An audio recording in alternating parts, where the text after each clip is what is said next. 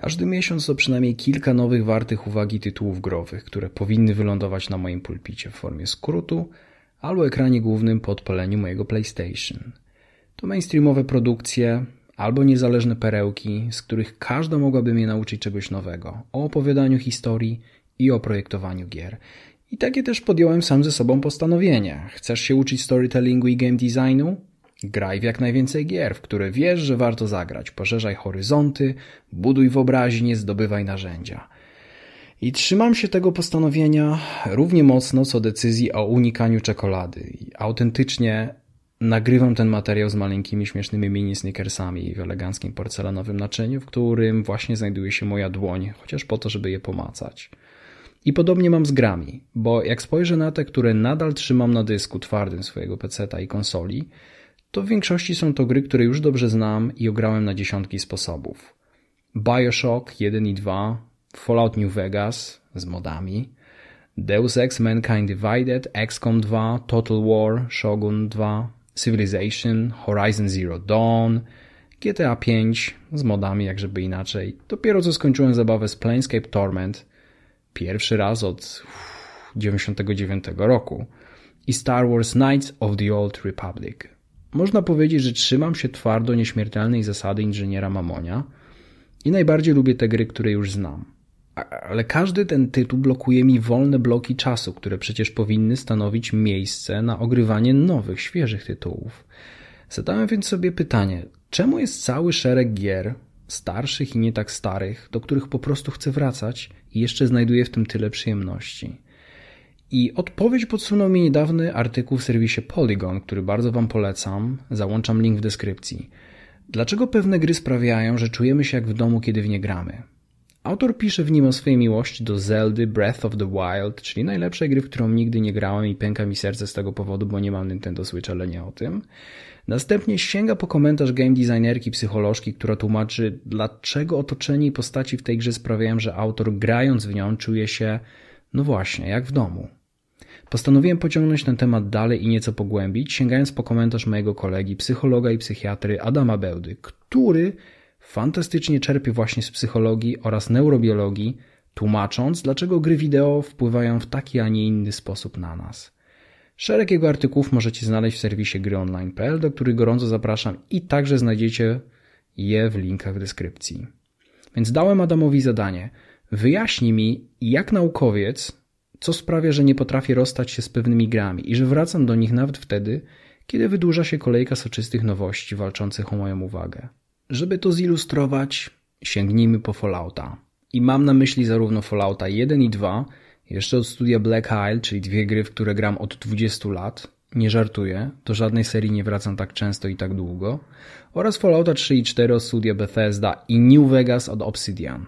Zresztą przy Falloutie 3 udało mi się chlubnie pobić rekord w długości grania non-stop w listopadzie 2008 roku w noc, w którą Barack Obama został wybrany na prezydenta Stanów Zjednoczonych. Pomyślałem, że warto to uczcić i grałem dalej i tak zeszło jakieś, nie wiem, 11 godzin. Takich rzeczy się nie zapomina.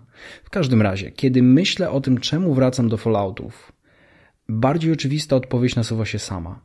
Bo to fantastyczne, w dużej mierze otwarte światy, nielinearna przygoda, przez którą nikt nie prowadzi mnie na siłę jak po sznurku oraz daje przyjemność z odkrywania lokacji, smaczków, nowych konfiguracji umiejętności i statystyk postaci. To jest ta Odpowiedź oczywista.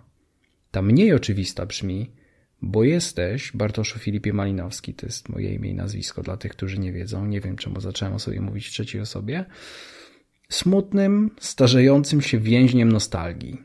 A kiedy tylko grasz w Fallouta, to wracają do ciebie te stany emocjonalne, wspomnienia i okoliczności, które towarzyszyły ci wiele lat temu. Na przykład kiedy unikałeś chodzenia na rekolekcje w 99, żeby grać Fallouta 1 – kiedy przegryzałeś kabel od myszki, gdy twoja postać umierała od napromieniowania w Falloutie 2, bo twój angielski był za słaby, żeby zrozumieć coś od Janie Pawla. I kiedy mogłeś zarwać całą noc jeszcze pół dnia grając Fallouta 3 i nie ponieść z tego tytułu konsekwencji, bo twoje studia i tak już były w ruinie. Oto nostalgia. I jest w moim życiu kilka gier, i na pewno w waszych też, które podobnie jak utwory muzyczne zapisały w sobie mój przeszły stan ducha – i grając w nie próbuję jakkolwiek odtworzyć to, co czułem kiedyś. Konkretnie i mądrzej przybliży Wam to Adam, któremu teraz oddaję głos. Czym w ogóle jest nostalgia? Przyjemne uczucie, które odczuwamy, kiedy wspominamy jakieś rzeczy z dawnych czasów, albo kiedy obcujemy z czymś, co je przypomina. Od strony neurobiologicznej to w dużym skrócie uaktywnienie tzw. Tak układu nagrody w reakcji na wspomnienia autobiograficzne. Wspomnienia te mogą zostać zarówno zainicjowane bezpośrednio przez człowieka, kiedy po prostu przypomina sobie coś z przeszłości, jak i przez bodźce zewnętrzne, np. uruchomienie gry, którą pamięta z dzieciństwa. Sztandarową strukturą wchodzącą w skład układu nagrody jest jądro półleżące. Jądro w znaczeniu neuroanatomicznym to jest skupienie ciał neuronów w ośrodkowym układzie nerwowym. Stymulacja jądra półleżącego powoduje po prostu uczucie przyjemności. W procesie tym uczestniczą substancje chemiczne takie jak dopamina czy endogenne opiaty. I ta pierwsza jest jednym z neuroprzekaźników odpowiedzialnym za efekty amfetaminy, a te drugie oddziałują na te same receptory, na które działają narkotyki, takie jak morfina czy heroina. Doświadczenie nostalgii jest więc w pewnym sensie narkotyzowaniem się substancjami wytwarzanymi przez nasz własny organizm. Przechodząc z poziomu abstrakcyjnego do konkretnego. Kiedy uruchamiamy grę z przeszłości, np. Fallouta, Fallouta 2 i na tym poprzestańmy, może jeszcze przy odrobinie dobrej woli New Vegas. Ale kiedy uruchamiamy klasycznego Fallouta, nasza pamięć odwołuje się do autobiograficznych wspomnień związanych z czasem, kiedy zasiadaliśmy do niego po raz pierwszy, co układ nagrody podsumowuje generowaniem tego specyficznego rodzaju przyjemności. Więc nostalgia, która stymuluje mój układ nagrody. Co jeszcze? Jak sugeruje autor artykułów Polygon, także efekt ekspozycji, to znaczy im częściej wchodzimy w kontakt z konkretnym bodźcem, tym bardziej się do niego przyzwyczajamy i tym większą sympatią go darzymy. Swoją drogą, to była moja twardo realizowana strategia na studiach, kiedy byłem zakochany w pewnej dziewczynie. Uznałem, że jak będę z nią siedział na każdych zajęciach, to w końcu się do mnie przyzwyczai coś zaskoczy. I po dwóch latach ta strategia nie okazała się efektywna, ale zaskoczyła na przykład z grami serii Civilization, Total War czy StarCraft. Strategiami, w których próg wejścia dla gracza umieszczony jest dość wysoko, to znaczy trudno jest na wstępie opanować podstawy ich mechaniki. Jest to dość czasochłonne, a jeszcze trudniej dotrzeć do punktu, w którym można uznać, że jest się w nie po prostu dobrym. Ja chętnie wracam do tych gier, bo chociaż ciężko było mi się z nimi polubić, to teraz, gdy ogrywam je ponownie i ponownie, to czuję, że za każdym razem jestem lepszy niż poprzednio, bo już je znam. A jednocześnie boję się też inwestować czas w inne, bardziej złożone strategie, bo wiem, że dużo czasu zajmie mi ich zrozumienie. Więc zostaję bezpiecznie przy tym, co znam, a że to znam, to lubię to bardziej i bardziej z każdą kolejną rozgrywką, bo przecież efekt ten się kumuluje. Adam wytłumaczy wam, jak to działa na nieco innej grze, która jest dla mnie tak trudna, że odbijam się od niej za każdym razem tak bardzo, że nie potrafię przez kilka dni spojrzeć z godnością w lustro. W efekcie ekspozycji istotna jest tzw. Tak gotowość percepcyjna, czyli gotowość na zajście pewnych zdarzeń sensorycznych. A bardziej po polsku jest to sytuacja, w której człowiek jest przygotowany na doświadczenie czegoś, co już zna. Sam w sobie jest to stan przyjemny, a w kontekście gier ma podwójne znaczenie. Po pierwsze, przeżywamy jakieś swoje nostalgiczne wspomnienia, a po drugie, sama gra staje się przez to mniej stresująca. Za przykład posłużyć może maksowanie Dark Soulsów w trybach New Game plus plus plus plus plus, plus wiadomo o co chodzi. Pierwsze podejście do Soulsów jest doświadczeniem niemalże traumatycznym, ale trzymamy się ich z racji nieco innych niż omawiane tutaj mechanizmów utrzymania uwagi. Nawiasem mówiąc też chodzi o układ nagrody, który jak się okazuje jest strukturą dość wszechstronną. Rozpoczęcie nowej gry sprawia jednak, że czujemy się bezpiecznie. Możemy cieszyć się stylistyką i klimatem świata, nie bojąc się jednocześnie, że za rogiem będzie czekać pułapka, której nie wiedząc o niej nie da się uniknąć, albo ten okropny przeciwnik z głową kobry i mieczem większym od niego samego. Tutaj minuta ciszy dla wszystkich poległych w fortecy Sema. Podobnie jest ze wspomnianymi strategiami. Jeżeli znamy już mniej więcej mechaniki nimi rządzące, drzewka rozwoju i zależności pomiędzy jednostkami, możemy bawić się nimi na zupełnie innym poziomie niż za pierwszym podejściem. I jest coś jeszcze. Gry, które wymieniłem przed chwilą, jak Civilization, Total War czy StarCraft, to strategie, które oferują mnogość zmiennych i różnych konfiguracji. De facto są grami o emergentnym charakterze, to znaczy takimi, w których to gracz sam opowiada historię swoimi działaniami. Podobnie wspomniane Fallouty czy Minecraft, Fortnite albo GTA V.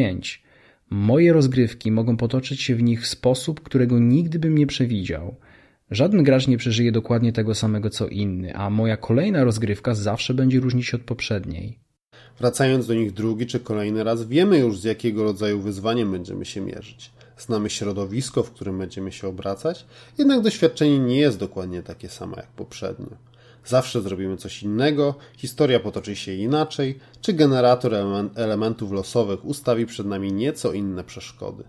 Nie da się przecież wejść dwa razy do tej samej rzeki, a i my nie jesteśmy przecież już tymi samymi osobami co kiedyś. Do przykładu GTA czy Minecrafta dodałbym jeszcze roguelike'i, które może nie do końca są grami o emergentnej narracji, ale mechanizm utrzymania uwagi i motywacji gracza jest w ich przypadku bardzo podobny. Krótko mówiąc, przeżywamy nowe przygody w znanym środowisku. Samo to jest przyjemne, bowiem człowiek z natury szuka w życiu tego typu doświadczeń. Jest to korzystne, bo pozwala zapewnić sobie względne poczucie bezpieczeństwa z racji sprawdzonego otoczenia, a jednak umożliwia rozwój poprzez zabawę w sposób inny niż poprzednio. Było to potrzebne naszym praprzodkom na afrykańskiej sawannie, jest potrzebne i dzisiaj.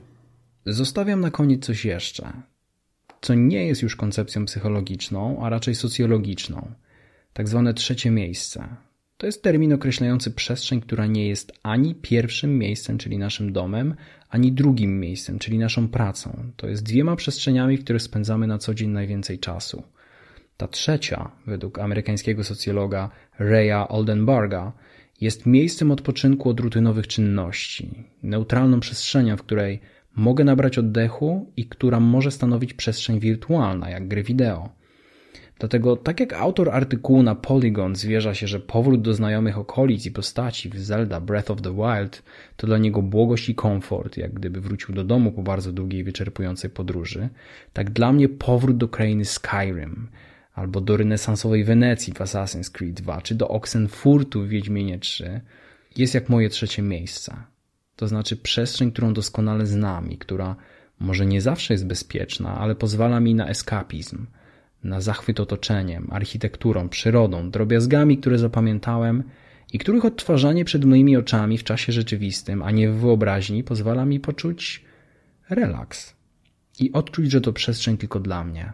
Więc, czy powrót po raz kolejny i kolejny do starych strzelanek, do klasycznych izometrycznych gier RPG na silniku Infinite, czy do kochanych, starych, dobrych heroesów jest rzeczywiście marnowaniem czasu? Czy to tylko nostalgia i słabość do tego, co z nami już lubię? Postawię pytanie inaczej. Jeżeli na mój dysk twardy będą trafiać wyłącznie te gry, od których powinienem się uczyć, czy to nie odbierze mi przyjemności z grania w gry po prostu i nie stanie się przykrym obowiązkiem? Przecież gry to na pierwszym i na ostatnim miejscu rozrywka i wyzwalacz pokładów przyjemności. Nie ma znaczenia, czy tytuł, który to robi, jest stary czy nowy. Poza tym, Tytuły, do których wracam, pozostają w gronie najlepszych w historii gamingu, więc może jeżeli można się czegoś nauczyć na temat projektowania gier, to warto by zacząć właśnie od nich. Zasuwa mi się skojarzenie z komiksami, w których ciągłe restarty, rebooty, Elseworldy i ogólne granie konwencją, nieznaczna modyfikacja już ustalonego kanonu są w zasadzie głównym czynnikiem przyciągającym mnie do nich. Wracamy po raz piętnasty do tego Spidermana, ale tym razem nazywa się Miles Morales, a nie Peter Parker i ma czarny kostium, ale generalnie chodzi o to samo.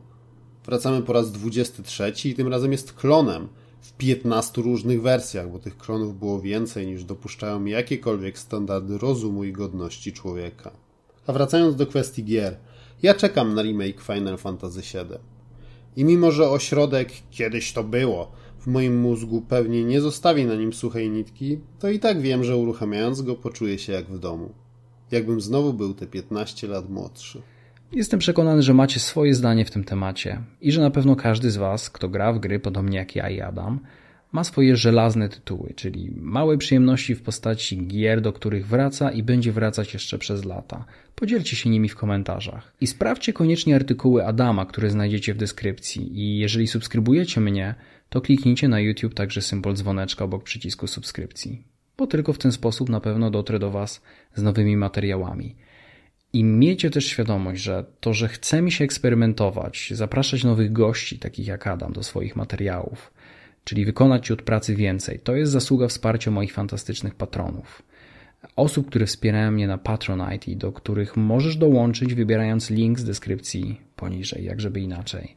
I sprawdź też mój materiał o psychologii, imersji w grach.